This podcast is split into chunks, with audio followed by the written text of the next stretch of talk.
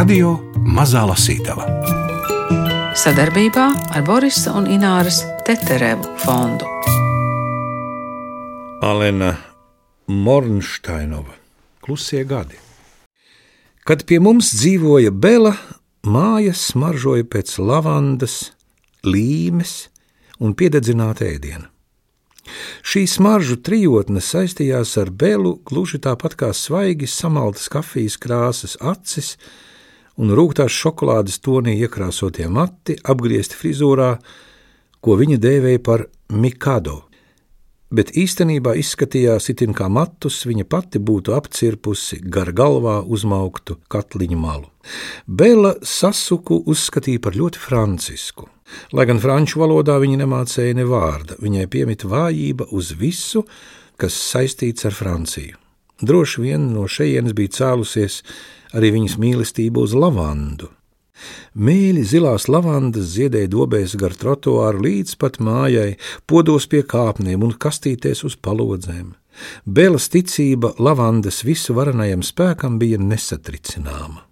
Viņa apgalvoja, ka lavanda atbaidot uzmācīgus kukaiņus un aizsargājot apģērbu pret kodēm, drēbju skapjus viņa piebāza ar izžāvētu ziedu maisiņiem un izlikās nedzirdam, kā tēvs gānās par to, ka viņa krakli, džemperi un bikses smirdot kā tādai vieglas uzvedības bābai.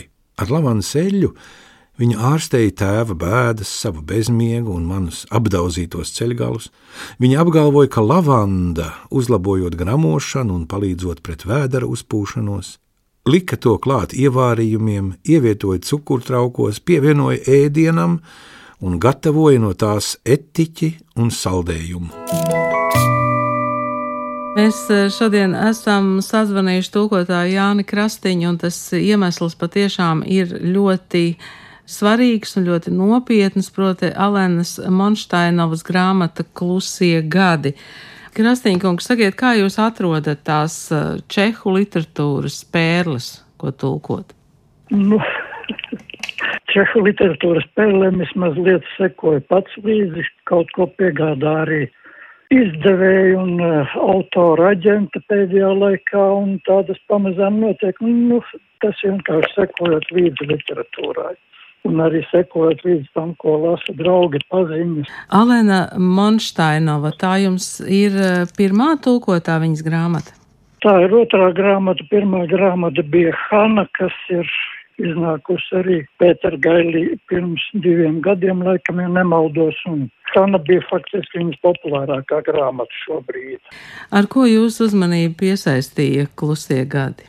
Klusie gadi piesaistīja uzmanību tāpēc, ka tas vispirms es iztulkoju Hanu, kas ir vispopulārākais šobrīd viņas darbs un kas ir iztulkots jau 14 valodās. Un nākamais darbs bija klusie gadi, kas zināmā mērā vairs nebija tik dramatisks, tik traģisks kā Hana, bet arī savā veidā tas bija tāds ļoti nopietnas ģimenes, varētu teikt, ģimenes sāga par to, kā kāda meita meklē atbildes uz jautājumiem, kāpēc viņas ģimenē lietas notiek tā, kā notiek, un kāpēc viņi daudz ko nevar saprast un daudz ko nezina. Un tas ir būtībā tāpēc, ka cilvēki savā starpā nesarunājas.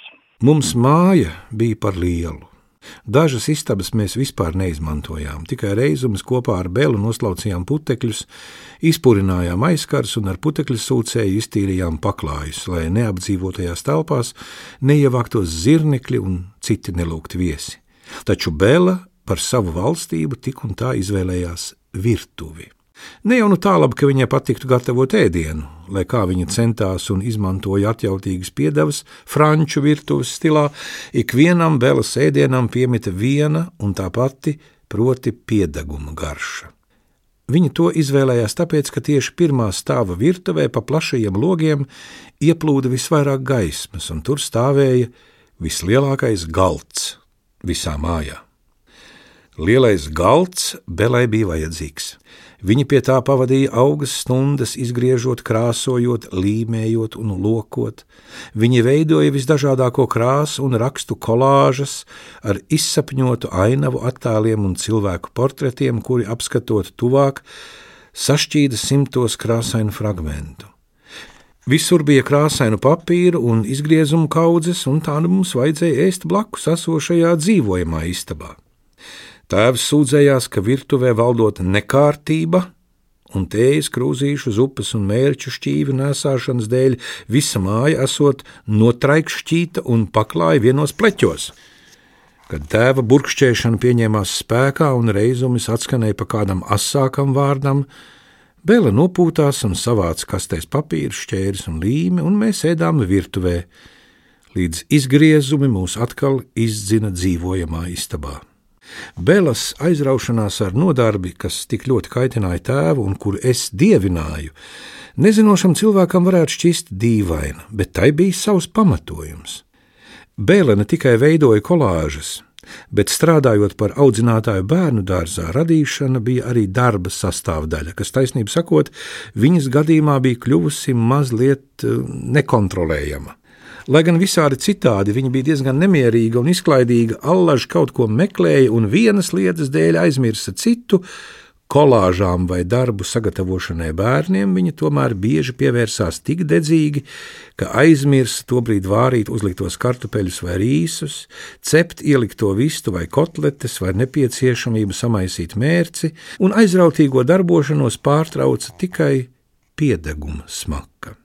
Tajā brīdī viņa rezignēti nolika malā šķēres, atgrūda krēslu, nopūtās, un mēģināja labot to, ko vēl varēja, un garā sagatavojās uz mana tēva indīgajām piezīmēm. Gunārs Aboliņš šodien lasa fragmentus no čehu rakstnieces Alenas Monštainovas romāna Klusie gadi. No čehu valodas to tulkojas Jānis Krastīņš. Viņš bijis gan ķīmiķis, gan strādājis Čehijas vēstniecībā Rīgā. Kopš 1987. gada tulko daļu literatūru no čehu un slovāku valodas. Viņš nominēts 2014. gada Latvijas literatūras gada balvai kategorijā labākais tulkojums par Jozefa Švoretska grāmatas cilvēka dvēseles inženieru stāsts tulkojumu no čehu valodas. Savukārt 21. gadā par Jakubas Katalpas romāna vāciešu tulkojumu. Viņš tulkojas Hašeka, Vīvega, Kratohvila, Havela un daudzu citu autoru darbus.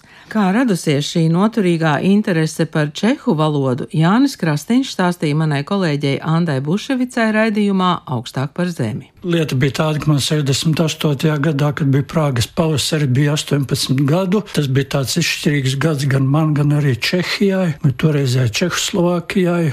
Jūs gribējāt lasīt presi čehu valodā? Es esmu dzimis pie Krustpils un ierodoties Rīgā 78. gada augustā, kad bija nolikta eksāmena, kad jau bija Padomjas Savienība kopā ar pārējām tā sauktajām brālīgajām valstīm bija okupējusi Čehoslovākiju vai toreizajā terminoloģijā sniegus brālīgo palīdzību, tad es ierados Rīgā un konstatēju, ka ir Kioskos nopērkami dažādi čehu laikraksti, piemēram, Svets sociālismu.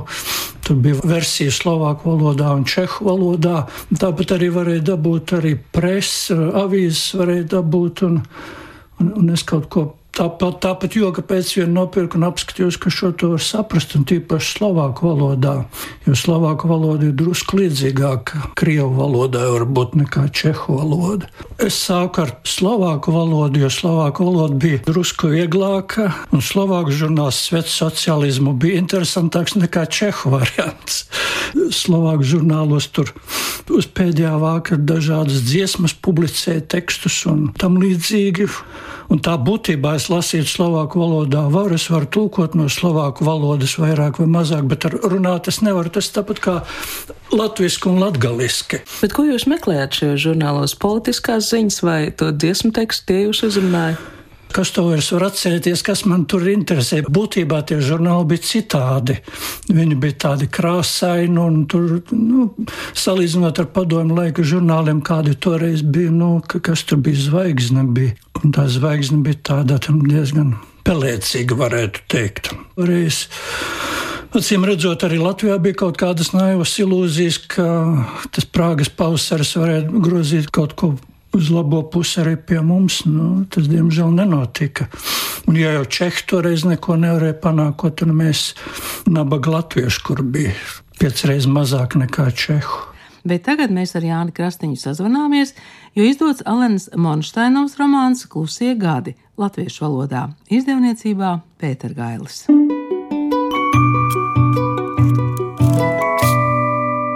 Laiks un vieta, kurā notiek darbība. Tas laiks ir diezgan pagaršs, bet vieta tā ir Čehija vai tajā brīdī Čehoslovākija.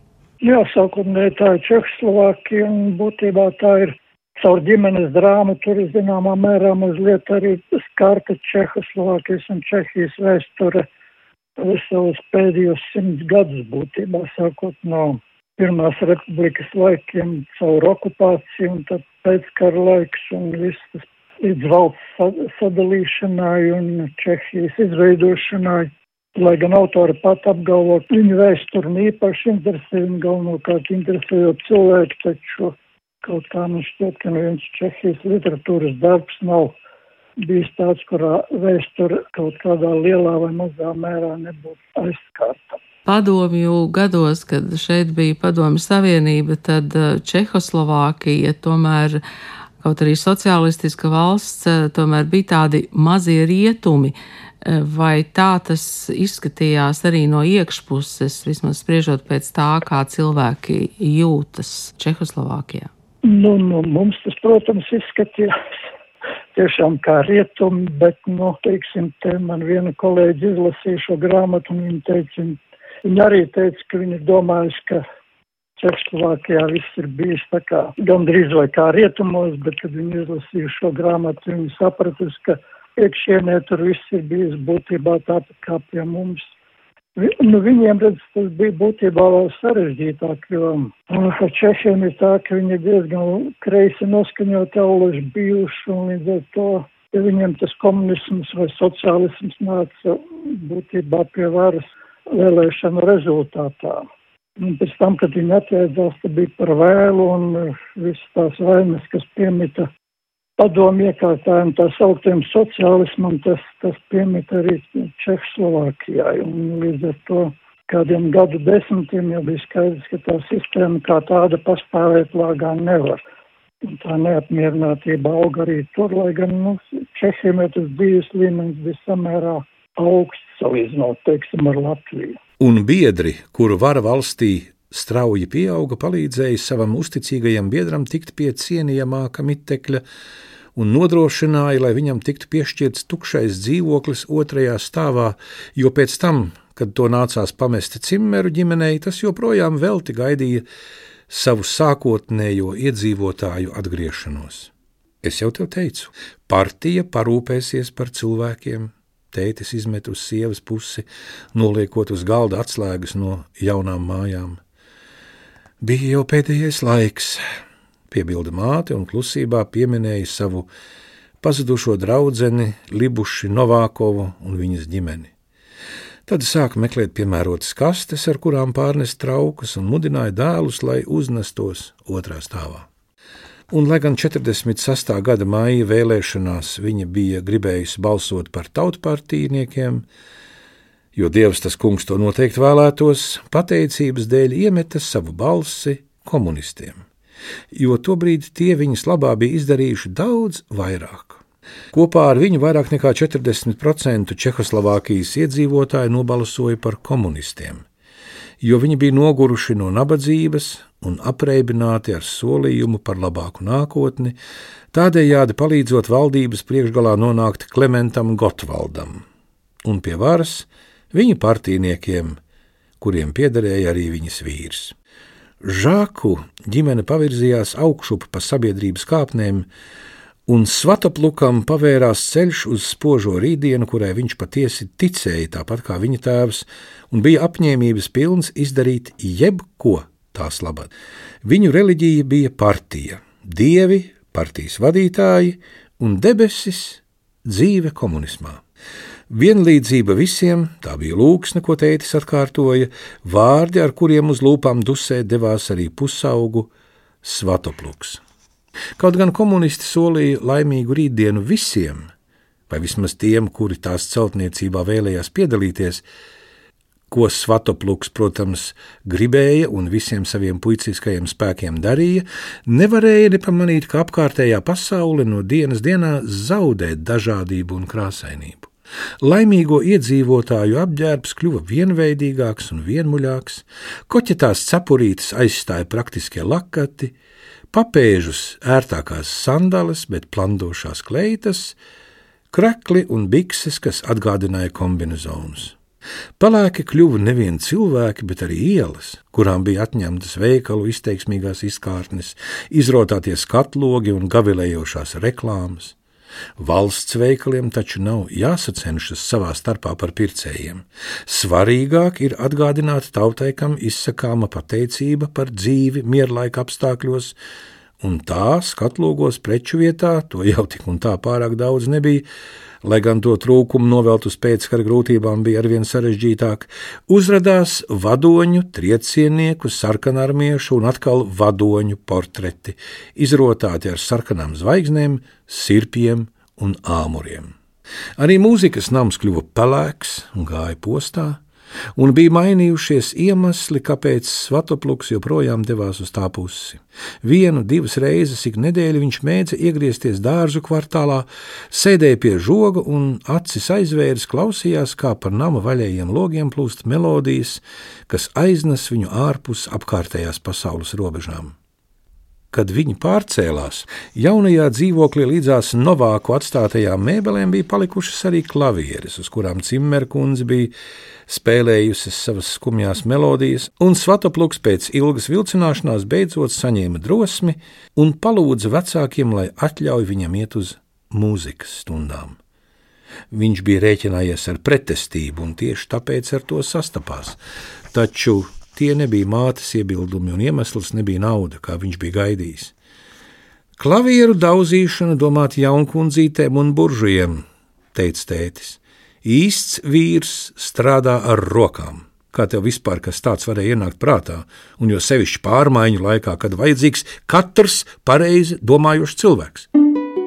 Fragmentus no Alenas Monšteinovas romāna Klusie gadi lasa Gunārs Aboliņš, ar tulkotāju Jāni Krastiņu sarunājas Ingvilda Strautmane. Radio Mazā Lasītava. Viens no varoņiem arī ir kreisi noskaņots. Jā, viens būtībā viens galvenais varonis ir ļoti pārliecināts eh, komunists līdz mūža galam droši vien, bet, nu, tā nu tas iznāk, ka dzīvē nevienmēr viss tā iznāk, kā cilvēks ir ideālistiski iedomājies, un ka tie ideāli un tās teorijas ar, reālo praksi nevienmēr saskan un bieži vien pavisam nesaskan. Uz grāmatas eh, vāka ir eh, nu, tādas izlocītas eh, nošu lapas, un pēc tam tā nošu lapa ir saburzīta. Kāda ir tā mūzikas nozīme šajā grāmatā?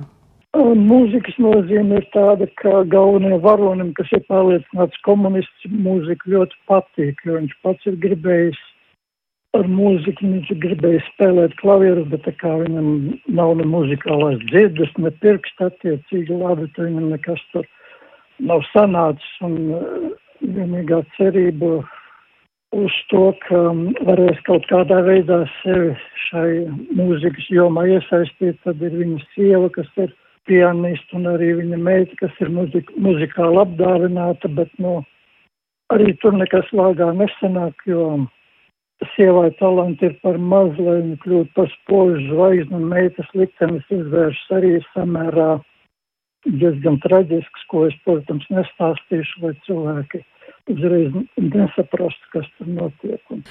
Kā jūs um, skaidrotu nosaukumu klusie gadi? Plusie gadi arī tas nosaukums, nosaukumā ir apslēpts tas, kāpēc tajā ģimenē maz runā, un eh, kāpēc maz runā, tas arī atklājas tikai teksta beigās, un to es arī neteikšu. Ņemot vērā apstākļus un abu ģimeņu acīm redzamos iebildumus, kāzas, kas notika 59. gada vasarā, nebija pārāk lielas. Sadarinātos salauzāja attiecīgā rajona vietējā Nacionālajā komitejā, par baznīcas ceremoniju Svatapluka partijiskās piedarības dēļ nevarēja būt nerunas. Evas ģimene laulību tāpēc uzskatīja par spēkā nēsošu un tālāk par grēcīgu, un Svatopluka māte pareģoja, ka neiesvētīta laulība nevar būt laimīga. Tas bija vienīgais, par ko sakrita viedoklis ģimenēm, kuras laulību rezultātā bija saradojušās. Svatoplukam par liecinieku gāja draugs un kolēģis Iržīs Hedra, bet Evai studiju biedrene no konservatorijas Eliška Sikorova. Iržīs savu uzdevumu paveica ar precēta vīriešu un ģimenes tēva cienīgumu, toties Eliškai, kas bija pašā grūtniecības sākumā un mocījās ar sliktu dušu, uzrunas laikā noreiba galva, un ceremoniju varēja pabeigt tikai pateicoties tam, ka žigli iejaucās liecinieks Atlikušajā uzrunas laikā viņš balstīja savu zvārojošos kolēģi, un Svatopluka māte vairs nekad neticēja apgalvojumiem, ka tiem abiem nav bijis nekas kopīgs. Ikreiz, kad runas pievērsās hedrām vai sikorām, viņa riebumā pavīpsnāja, un kad Eliškai Sikorovai pēc vairāk nekā desmit gadiem laulība izjuka, māte paziņoja, ka tas jau arī bijis gaidāms. Ceremonijas pieticīgumu visnodaļ kompensēja kāzu mīlestība līksmība. Līdztekus ģimenes piedarīgajiem, kuri konsekventi uzturējās katrs savā svinīgi saklāto galdu pusē, bija uzaicinātas arī Ēvas draudzenes un Svatopluka partijas biedri. Vietējā kroga zālē, kurā mēdz rīkot visas svinības un sapulces, pēc sākotnējā apmulsuma spriedzi atslāba, un, laikam ejot, un izdzertā alkohola daudzumam vairojoties, mulsums pārvērtās atbrīvotībā un pēcāk no dienas pat vētrainā līksmībā. Evas vecāki drīz vien aizgāja, Svatopluka māte malkoja vīnu un citu pēc citas izteica Dobravkai piezīmes par samaitāto jaunatni un pasaules galu, bet meita tikai apmierināti notiesāja pīrādziņus, kūkas un sviestmaizītes. Tad piecēlās, lai aizvestu mājās Hedviku, kas bija nolēmusi, ka tos brīžus, kad nespēlē mūzika, aizpildīs ar savu nesakarīgo dziedāšanu. Svatopluka tētis principa pēc alkoholam pat nepieskārās, toties jo kaismīgāk diskutēja ar klātesošajiem partijas biedriem par vienīgo, kas viņu patiešām interesēja, par ceļu uz komunismu. Tomēr vairākums partijas biedru pie pirmās iespējas nozuda un labprātāk devās veltīt uzmanību Evas draudzenēm, kuras ik pēc izdzertās glāzītes kļūst skaistākas un pieejamākas, un pēc deviņiem vakarā nevienam, itin nevienam vairs nebija svarīga partijiskā piederība, politiskā vai reliģiskā pārliecība. Reizumis kāds pāris nozuda no piepīpētās zāles, un tas, kas viņus vienoja, noteikti nebija mīlestība uz mūziku un pat ne uz Padomju Savienību. Grāmatu blogere Jana Benešova par romānu Klusie gadi rakstījusi. Rakstniece ir pierādījusi, ka teksti var kļūt populāri bez fantāzijas, šausmu un detektīvu žanra eksperimentiem. Var iztikt pat bez seksa un neprātības no bagāto pasaules, var iztikt bez utopijām un distopijām. Nav vajadzīgas seriālas spēles vai iekavās ietverti dokumentāli fragmenti, kas liek daļai literatūrai saplūst ar reālo vēsturi. Un tas patiešām ir rets talants. Alenas Monštainovas romānu Klusie gadi kopā ar Gundaru Āboliņu lasīja arī Agita Bērziņa, Nora Mitspapa un Ingvilda Strautmane. Vēl tikai ziņkārīgs jautājums mazliet noslēpumainajam tulkotājam Jānim Krastiņam. Sakiet, vai jūs eh, tulkojat eh, jau kādu jaunu čehu grāmatu?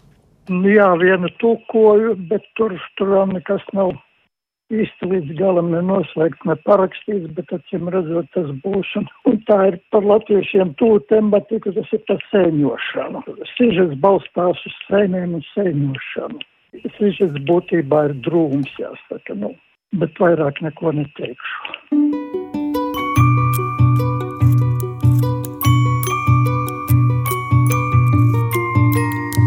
Radio Mazā Lasītava sadarbībā ar Borisa un Ināras Teterevu fondu.